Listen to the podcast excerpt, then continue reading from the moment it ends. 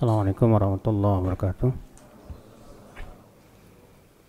إن الحمد لله نحمده ونستعينه ونستغفره ونعوذ بالله من شرور أنفسنا ومن سيئات أعمالنا. من يهدي الله فلا مضل له ومن يضلل فلا هادي له.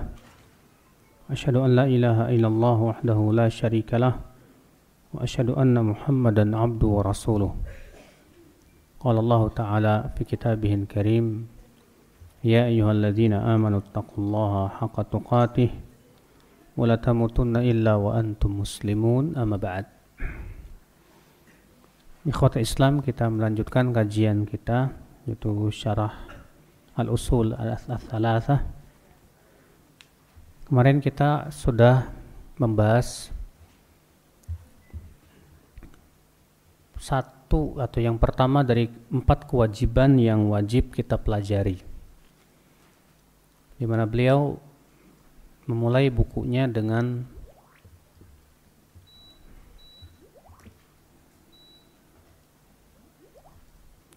memulai bukunya dengan yaitu pembahasan empat perkara yang wajib diketahui oleh setiap manusia. Kata beliau, "I'lam rahimakallah annahu yajibu alaina ta'allumu arba'i masail." Ketahuilah oleh kamu, semoga Allah merahmati kamu, bahwasanya wajib atas setiap kita ya untuk mempelajari empat perkara. Yang pertama al-ula yaitu al-ilm, yaitu berilmu. Berilmu tentang apa? Tentang Allah, tentang Rasulnya, dan tentang Islam dengan dalil-dalilnya. Nah, ini sudah kita bahas. Sekarang kita masuk kepada pembahasan yang kedua setelah kita berilmu, apa kewajiban kita selanjutnya? Kewajiban kita selanjutnya yaitu al-amalu bihi. Yaitu mengamalkan ilmu. Mengamalkan ilmu saudaraku sekalian adalah merupakan tujuan daripada kita menuntut ilmu. Ya, kita menuntut ilmu itu bukan untuk bangga-banggaan dengan banyaknya hafalan. Kita menuntut ilmu bukan untuk ya biar disebut ulama, tidak. Yang paling utama adalah kita menuntut ilmu itu untuk mengamalkan ilmu.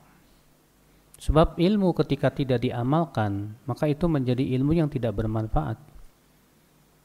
Dan Rasulullah SAW berlindung kepada Allah dari ilmu yang tidak bermanfaat. Rasulullah berdoa, Allahumma inni bika min ilmin la yanfa. Ya Allah, aku berlindung kepada Engkau dari ilmu yang tidak bermanfaat. Ya. Maka agar ilmu kita bermanfaat, saudaraku, yaitu kita berusaha untuk mengamalkan ilmu tersebut. Ya, setelah kita pelajari, setelah kita pahami ayat-ayatnya, hadis-hadisnya, Baru kemudian setelah itu kita berusaha untuk mengamalkan dan mengaplikasikannya dalam kehidupan kita sehari-hari. Namun tentunya saudaraku ikhwata Islam, dalam mengamalkan ilmu ada beberapa perkara yang harus kita paham, ya penting apa namanya untuk perhatikan. Poin yang pertama, dalam mengamalkan ilmu hendaknya kita melihat bagaimana tata cara Rasulullah SAW dalam mempraktekannya. Karena terkadang ya kita sudah punya ilmunya, tapi tata caranya yang sesuai dengan contoh Rasul bagaimana kita belum punya ilmunya. Ya sebuah contoh misalnya kalau misalnya kita ya sudah tahu tentang tata cara puasa, tentang puasa, bagaimana cara puasa dimulai dari terbitnya fajar sampai terbangnya mata matahari. Nah, yang kita perhatikan betul-betul adalah bagaimana supaya amalan saya sesuai dengan amalan Rasulullah SAW. Karena kata para ulama,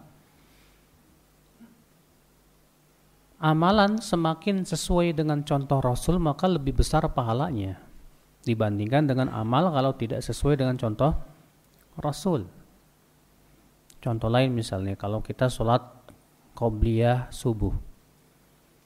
Qobliyah subuh ternyata Rasulullah SAW melaksanakannya itu dengan cara dicepatkan. Ya tidak dilambatkan. Maka Nabi SAW meringkas qobliyah subuh. Berarti itu menunjukkan bahwa yang lebih utama adalah melaksanakan qobliyah subuh dengan secara agak ringkas. Ya maka dari itu itu lebih besar pahalanya iya. Walaupun mungkin yang satu lagi lebih apa namanya panjang sholatnya. Betul mungkin lebih panjang sholatnya lebih banyak bacaannya tapi masalahnya ini lebih sesuai dengan contoh Rasul SAW.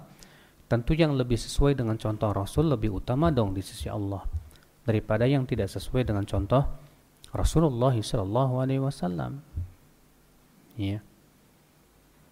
Yang kedua, yang harus kita perhatikan dalam beramal yaitu kita harus bisa membedakan mana amal yang wajib, mana amal yang sunnah.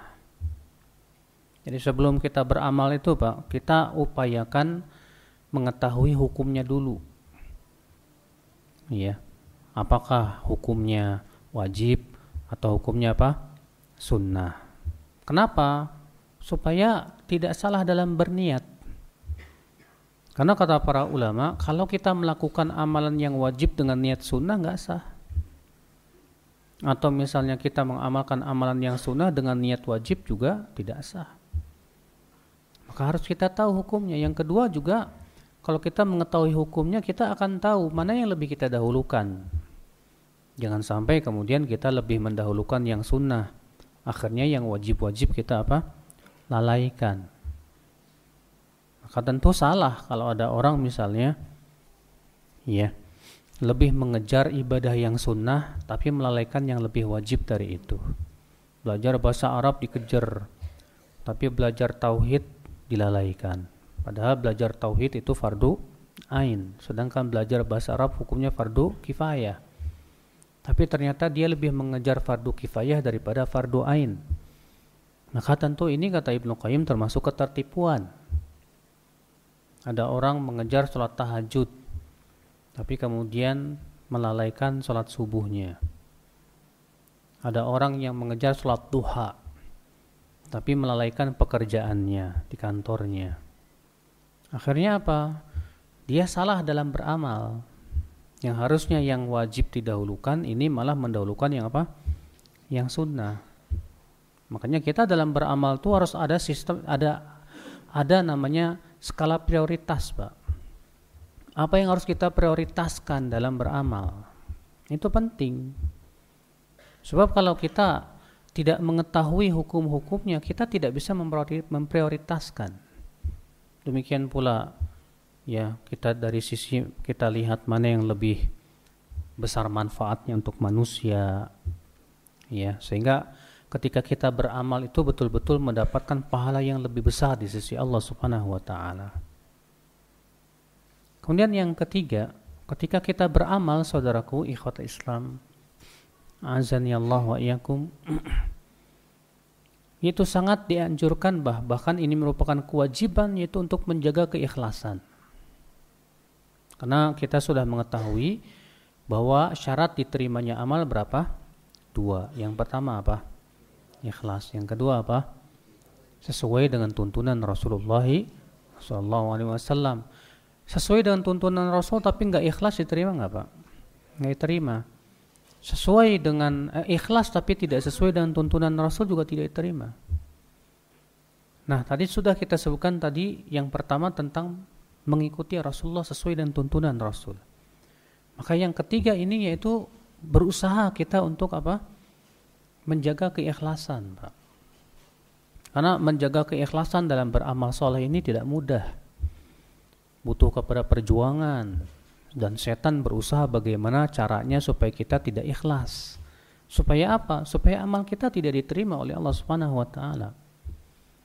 Maka tentu kita berusaha ya menjauhi hal-hal yang menyebabkan keikhlasan kita rusak.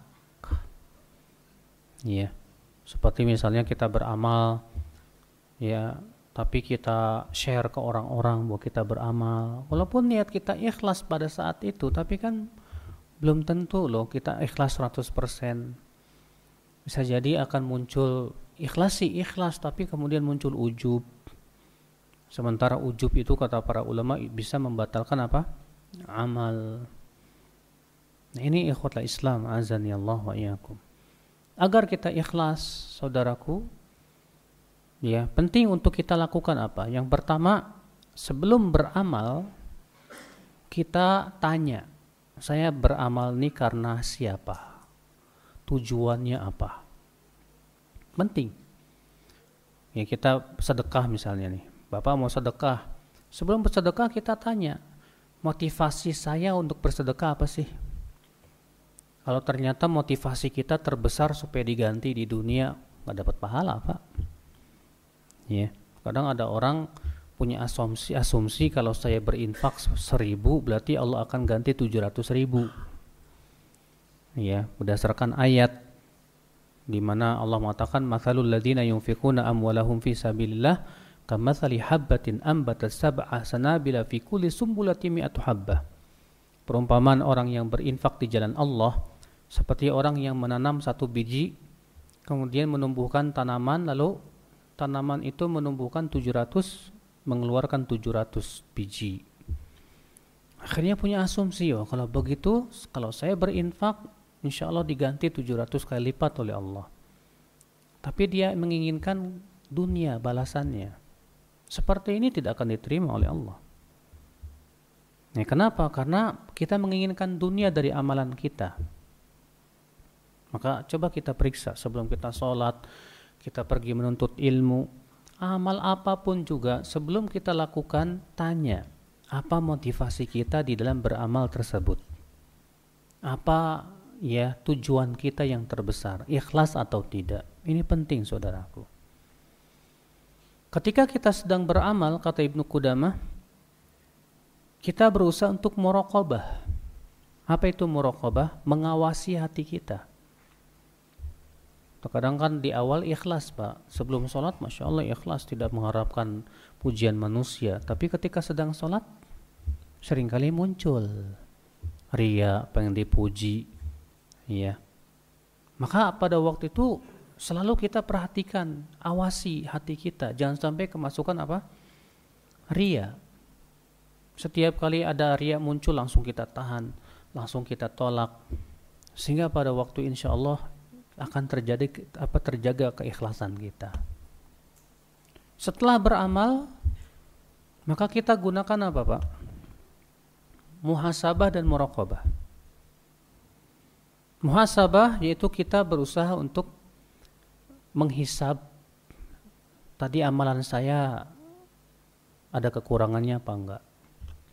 Oh tadi Masya Allah ketika saya sholat ternyata enggak khusyuk. Saya tadi waktu sholat ternyata pikiran saya melayang ke sana kemari. Wah maka kita tutup dengan istighfar kepada Allah Subhanahu wa taala.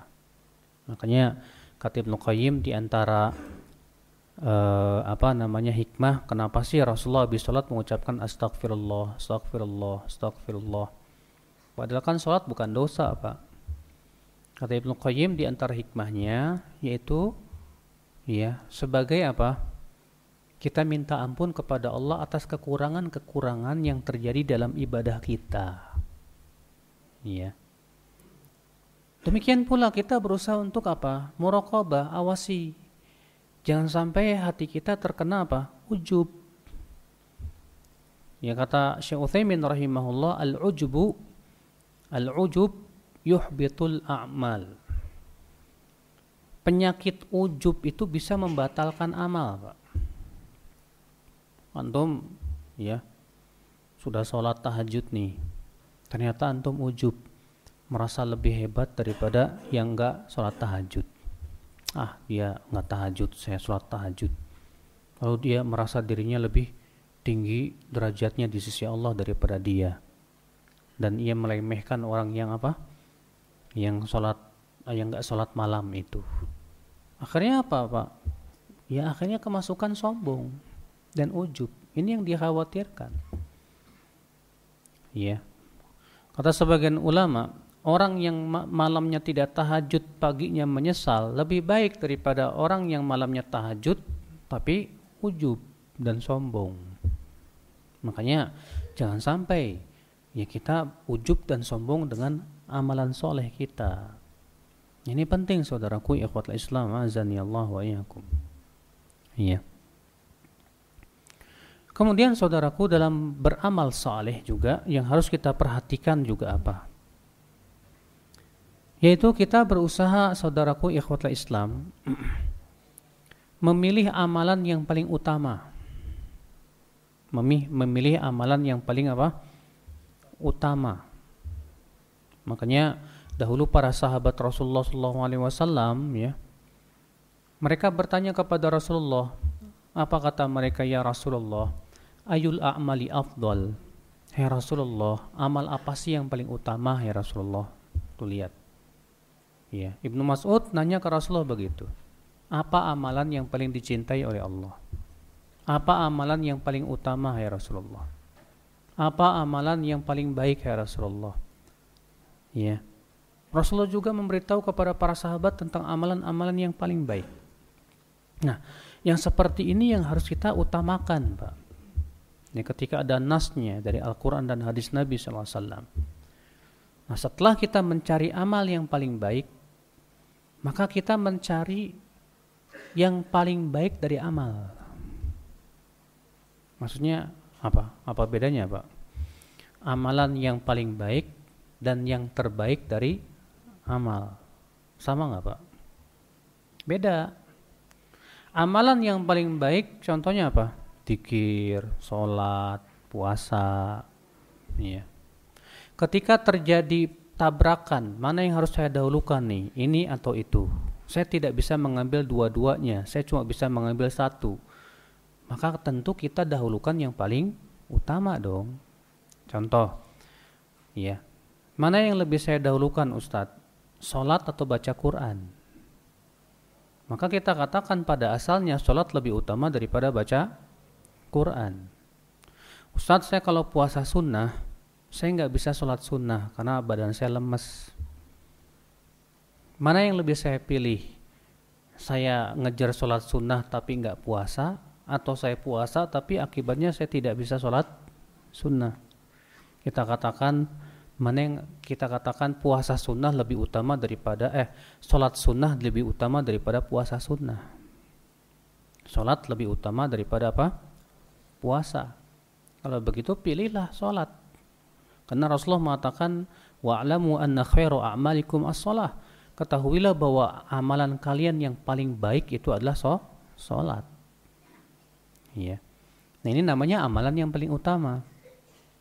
Tapi ada lagi yang ter, yang terbaik, yang paling utama dari setiap amal. Contoh, kita udah tahu nih sholat yang paling utama.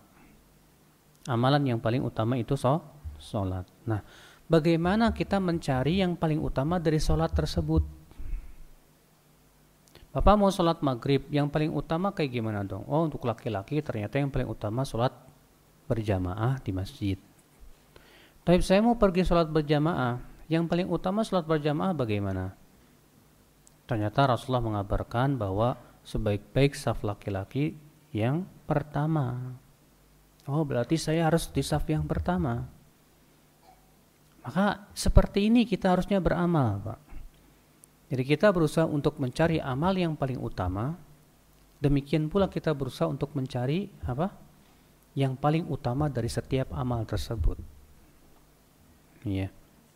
Nah, ini ikhwatul Islam azan ya Allah wa iyyakum. Kemudian, poin selanjutnya dalam beramal, saudaraku, hendaknya kita berusaha untuk memilih amal yang lebih memperbaiki hati. Ya, hendaknya kita berusaha untuk memilih amal yang lebih memperbaiki apa? Hati. Kenapa? Karena tujuan beramal ya untuk perbaikan hati dah. Kalau ternyata kita beramal soleh hati kita tidak jadi baik, itu menunjukkan amal soleh kita tidak diterima oleh Allah. Karena tujuan beribadah, tujuan beramal soleh itu apa sih Pak? Tujuan beramal soleh itu adalah untuk menimbulkan ketakwaan di, di hati. sebagaimana Allah berfirman dalam surat Al-Baqarah 21 ya. Ya ayuhan nasu ubudu rabbakum alladhi khalaqakum walladhina min qablikum la'allakum apa? La'allakum tattaqun. Wahai manusia, beribadalah kepada Rabbmu yang telah menciptakan kamu dan menciptakan orang-orang sebelum kamu agar kamu apa? Bertakwa. Ternyata Allah menyebutkan alasan diperintahkan ibadah itu supaya menimbulkan ketakwaan. Sedangkan takwa itu tempatnya di hati kata Rasulullah. Berarti ibadah yang tidak menimbulkan ketakwaan artinya ibadah itu belum diterima oleh Allah Subhanahu wa taala. Allah juga berfirman inna ma yataqabbalullahu minal muttaqin. Sesungguhnya Allah hanyalah menerima ibadah itu dari orang yang bertakwa. Nah, sekarang kita beramal taib saya baca Quran kok kayaknya nggak kerasa di hati Ustadz. Tapi kalau saya dikir subhanallah, alhamdulillah, itu kok lebih terasa di hati saya. Maka di saat itu, mana yang lebih memperbaiki hati kita pilihlah Pak. Ya. Nah inilah saudaraku sekalian, karena kan manusia itu berbeda-beda di dalam apa? Kecondongan dia dalam beramal soleh. Ada orang yang dibukakan oleh Allah pintu puasa dia kalau puasa merasa nikmat gitu ada orang kalau puasa waduh nggak bisa ngapa-ngapain mbak tapi dia dibukakan oleh Allah pintu sholat dia kalau sholat nikmat gitu ada orang yang diberikan dibukakan oleh Allah pintu zikir dia kalau zikir tuh nikmat gitu pak ya ada juga orang yang dibukakan padanya pintu-pintu ketaatan seluruhnya tapi jarang yang keginian nih Pak. Yang musibah itu kalau nggak ada satu, satu pun ketaatan yang kita merasa nikmat. Itu biasanya akibat dosa. Ya, akibat jauhnya hati kita dari Allah Subhanahu wa taala. Makanya saudaraku coba lihat oleh kita amal yang paling memperbaiki hati kita, maka hendaknya itu yang kita apa? dahulukan saudaraku. Ikhwata Islam azan Allah wa iyyakum. Nah ini saudaraku ya, yaitu tips di dalam beramal. Ya perhatikan tips-tips yang saya sampaikan tadi dalam masalah apa? Beramal saleh, mengamalkan ilmu yang telah kita pelajari. Tapi saudaraku ikhwatul Islam, setelah kita mengamalkan ilmu, alhamdulillah sudah kita berilmu, sudah kita berusaha untuk mengamalkan apa? Ilmu. Maka kewajiban kita selanjutnya apa, Pak? Kata beliau wada'watu ilaih dan menyampaikan ilmu. Ya. Kita sudah berilmu, alhamdulillah. Kita sudah berusaha untuk mengamalkan ilmu, alhamdulillah. Ternyata tidak cukup sampai situ. Sampai kita sampaikan ilmu tersebut kepada orang lain. Kata para ulama, zakatul ilm tatablighuhu zakat ilmu itu adalah dengan disampaikan. Sebab kenapa? Karena ilmu itu bukan hanya untuk diri sendiri, Pak. Dan Allah Subhanahu wa taala mencela orang yang menyembunyikan ilmu. Allah katakan innal ladzina yaktumuna ma anzalna minal bayyinati wal huda min ba'di ma bayyanahu lin-nasi fil kitab ulaika yal'anuhumullah wa yal'anuhumul la'inun. Sesungguhnya orang-orang yang menyembunyikan apa yang kami telah turunkan berupa keterangan dan petunjuk setelah kami jelaskan kepada manusia mereka itu dilaknat oleh Allah dan dilaknat setiap makhluk yang bisa melaknat makanya subhanallah. Jadi kalau kita sudah menuntut ilmu kewajiban yang kedua mengamalkan ilmu kewajiban selanjutnya apa? Menyampaikan ilmu. Namun Bapak sekalian, dalam menyampaikan ilmu ada beberapa poin yang penting kita perhatikan. Yang pertama, sampaikanlah ilmu. Ya. Yang telah betul-betul kita kuasai. Adapun yang belum kita kuasai jangan disampaikan. Apalagi kalau kita belum ketahui, wah ini musibah. Ya. Kenapa? Karena kalau kita tidak menguasai ilmu, berarti kita belum berilmu. lalu kemudian kita sampaikan kepada manusia sesuatu yang kita tidak kuasai, akibatnya akan menyesatkan manusia, Pak. Dan menyesatkan manusia ini dosanya berat. Kata Rasulullah SAW apa? Ya, man sanna fil islami sunnatan sayyi'ah. Siapa yang memberikan contoh yang buruk dalam Islam, maka ia mendapatkan dosanya dan dosa orang yang mengikutinya tanpa dikurangi dari dosa mereka sedikit pun juga. Bayangkan kalau Bapak sampaikan kepada orang ternyata salah. Diamalkan oleh orang banyak, setiap mereka Bapak tanggung tuh dosanya tuh. Makanya hati-hati Pak, makanya jangan sampai kita meng, meng, meng, menyampaikan ilmu yang belum kita kuasai. Kadang ada orang maaf bawa ayat, tapi ayatnya nggak dihafal. Ya, dia sampaikan ke orang begini, sebagaimana dalam firman Allah yang kalau nggak salah maknanya begini, kok nggak salah? Ya, nggak benar. Kalau kamu nggak menguasai jangan disampaikan dong. Atau misalnya nyampein hadis kalau nggak salah Rasulullah berkata begini kalau nggak salah. Wah ini nggak benar pak. Kalau kita mau menyampaikan Al-Quran, kita harus faham, udah hafal dulu. Kalau menyampaikan hadis, sudah betul-betul kita fahami dulu. Ya makanya Rasulullah SAW memberikan fase bagaimana tahap menuntut menyampaikan ilmu. Kata Rasulullah apa? Nadharallahu mra'an sami'a maqalati fawa'aha wa hafidhaha wa addaha. Semoga Allah memberikan cahaya kepada wajah orang yang mendengar sabdaku kemudian ia memahaminya, lalu ia menghafalnya, baru ia sam sampaikan kepada orang lain. Jadi ini yang pertama, Pak. Sampaikan ilmu yang kita kuasai. Jangan sampai kita menyampaikan ilmu yang tidak kita kuasai. Kenapa? Karena berkata atas Allah dengan tanpa ilmu sumber kesesatan munculnya berbagai macam kesesatan itu akibat berkata tanpa ilmu, saudaraku. Iya. Yang kedua, di dalam menyampaikan ilmu, saudaraku, ikhwata Islam, azani Allah wa iyakum. Tidak harus dengan cara ceramah. Ada sebagian penceramah, Pak. Sebetulnya dia itu nggak nggak punya ilmu hanya sebatas pintar retorikanya saja. Ya. Lalu kemudian bermodalkan apa? Balighu ani walau ayat. Sampaikan dariku walaupun satu ayat. Lalu ia ceramah ke sana kemari. Yang disampaikan bukan ilmu, bukan Quran tapi koran. Yang disampaikan ternyata hanya sebatas apa? Melawak, cerita lucu dan yang lainnya Wah ini bahaya saudaraku ya kota Islam azan ya Allah ya. Iya. Makanya kita menyampaikan ilmu itu sesuai dengan kemampuan masing-masing. Antum sudah kuasai satu hadis, alhamdulillah atau ini hadisnya sahih. Kemudian faidah-faidah ilmu yang bisa kita petik dari hadis ini sudah kita pahami, masya Allah. Ya, faidah-faidah hukum yang bisa kita petik dari hadis ini. Setelah kita pahami betul nih hadis, alhamdulillah sampaikan.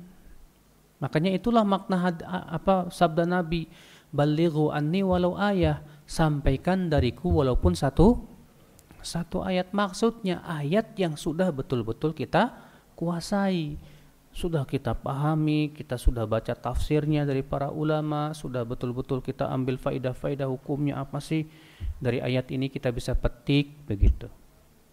Iya. Jangan sembarangan comot ayat tafsirin sendiri dengan akal kita. Wah ini bahaya. Ya karena itulah sumber justru munculnya kesesatan saudaraku. Ya. Yang ketiga, dalam menyampaikan ilmu kita harus menyesuaikan dengan kemampuan manusia dalam menyerap ilmu kemampuan manusia dalam memahami ilmu, Pak. Ali bin Abi Thalib berkata apa? Hadithun nas bima ya'rifun. Aturidu an Allah wa rasuluh? Sampaikan ilmu kepada manusia sesuai dengan tingkat pemahaman mereka. Apakah kamu ingin Allah dan Rasulnya didustakan gara-gara kamu? Artinya terkadang ada orang menyampaikan ilmu yang dia sampaikan benar, Pak. Cuma masalahnya audiennya belum siap karena kurangnya pemahaman mereka. Akhirnya apa? Akhirnya salah difahami. Kalau salah difahami bagaimana? Pasti akan mengakibatkan aplikasi yang salah juga. Nah inilah, oleh karena itulah seorang yang menyampaikan ilmu itu butuh kefasihan. Pak.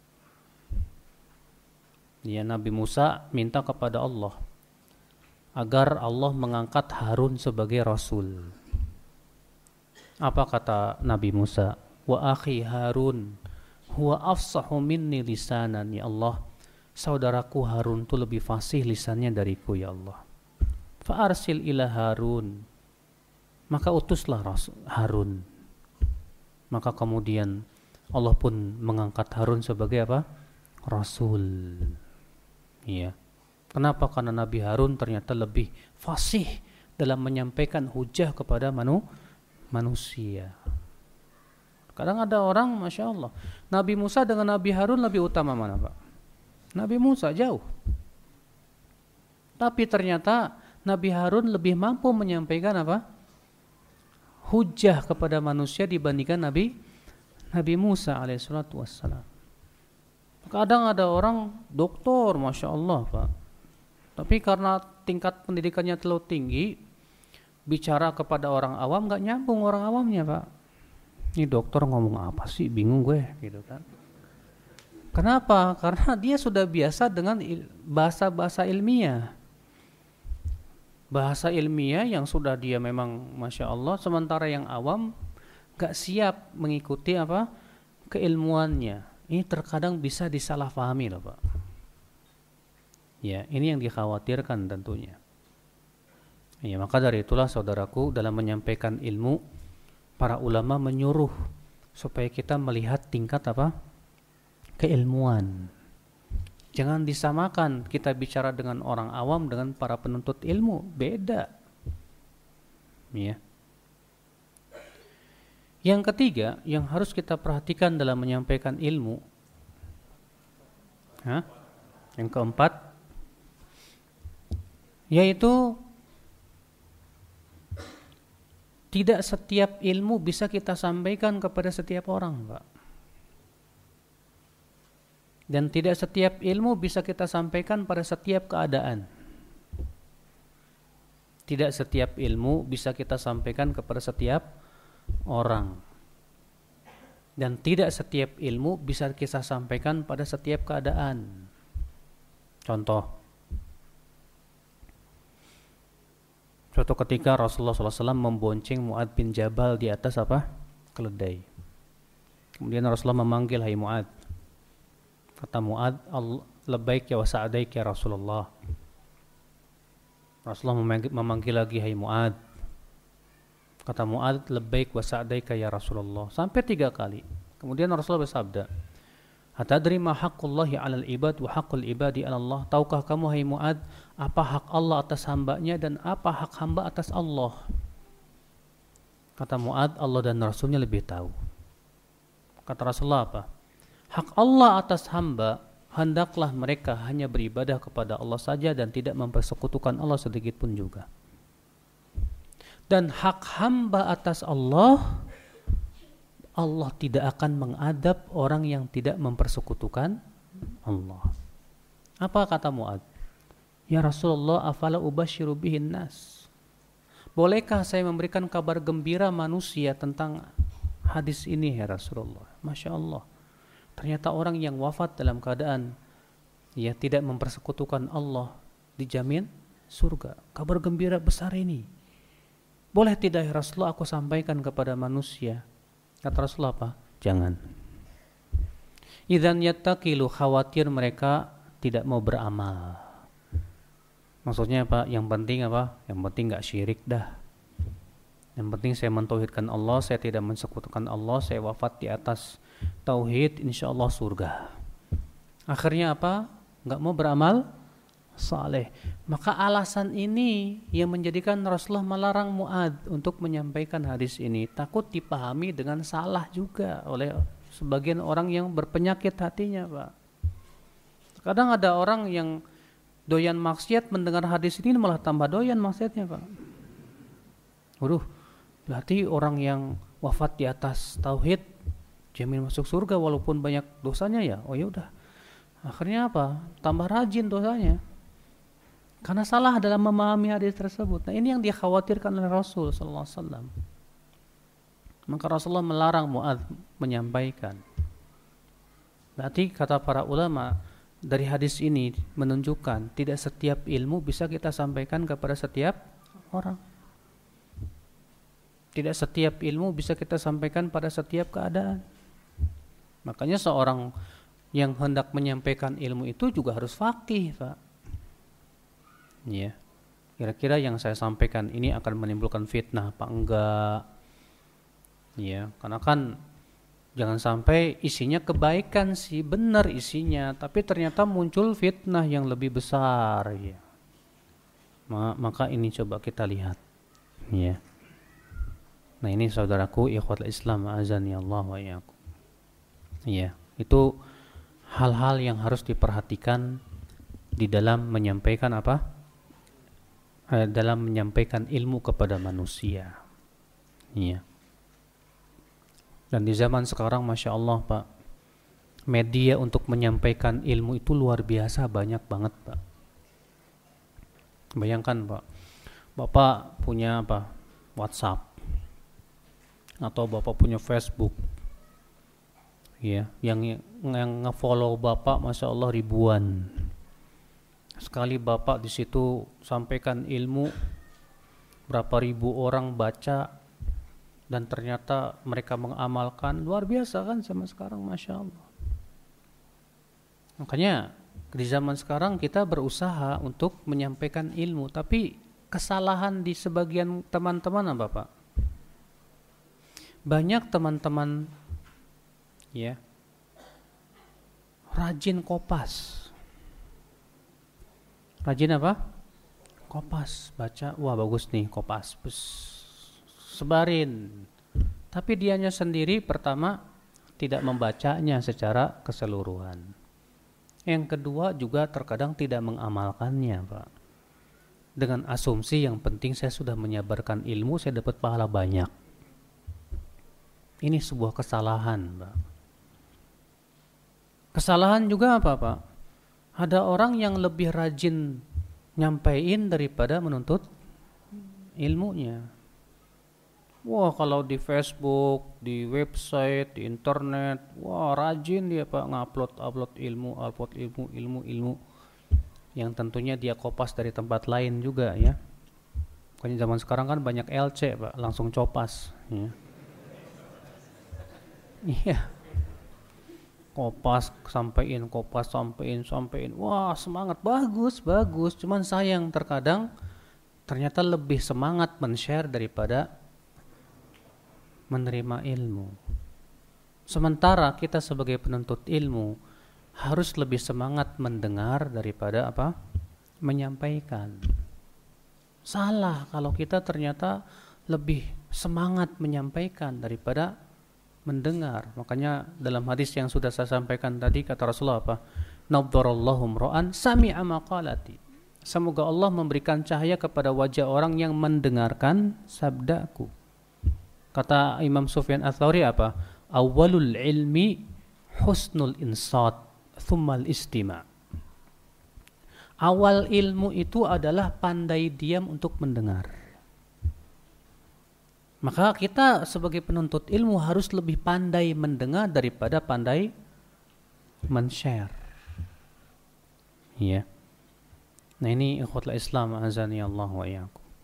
Supaya apa? Supaya kita tidak disibukkan ya oleh apa namanya ketika kita men-share pasti Pak di zaman sekarang nggak lepas dari apa Pak melihat followers melihat like ya kalau nggak ada yang nge-like sedih kalau banyak yang nge-like seneng.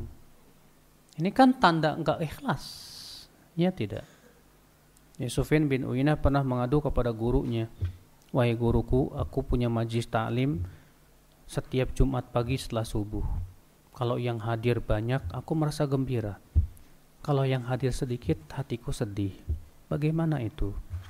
Kata gurunya, hai anakku, itu majelis yang buruk tinggalkan.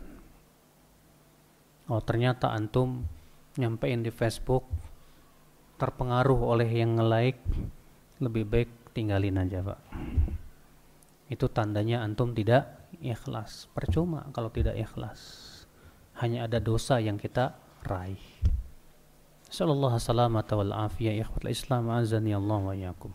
Sudah masuk Isya ya? Baik. Enggak ada tanya jawab kan? Hmm? Enggak ada. Kalau mau habis adzan. Hah? Adzan dulu, habis adzan tanya jawab sebentar baru sholat. Kalau habis sisa saya mau langsung pulang soalnya. Udah ngantuk. Taifadol adzan dulu. Taib kita kita angkat dua pertanyaan aja. Saya sudah kenal sunnah tapi terjerumus zina. Apa yang harus saya lakukan? Ya taubat dong ya taubat dengan taubat yang nasuh itu yang pertama yang kedua meninggalkan semua perkara yang bisa kembali menjerumuskan kita kepada apa zina. Ya yang ketiga ya berusaha untuk apa namanya mencari tempat yang aman dari zina. Karena kan kita tinggal di suatu tempat yang di situ akhirnya malah kita sulit meninggalkan zina. Maka pada waktu itu tinggallah di tempat-tempat yang di situ banyak orang soleh dan kita bisa beribadah kepada Allah di sana.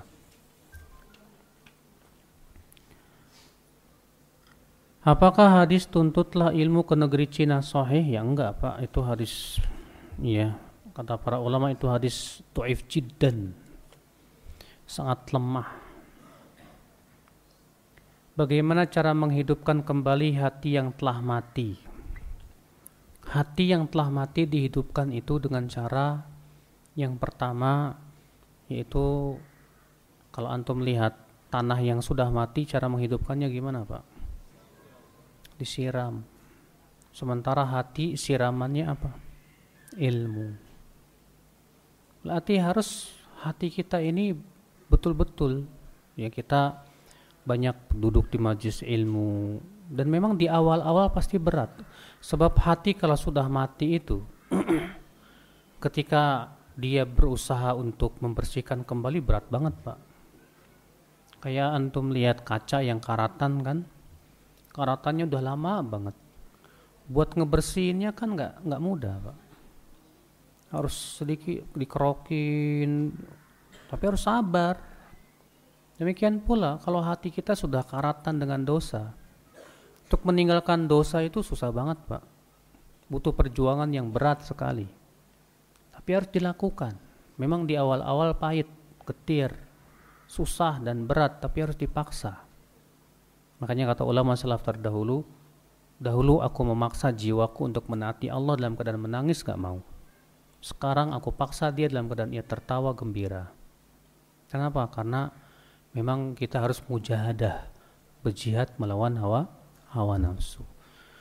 Baik, saya kira cukup sampai di sini. Subhanakallah bihamdik. Asyhadu an la ilaha illa anta astaghfiruka wa atubu ilaik. Assalamualaikum warahmatullahi wabarakatuh.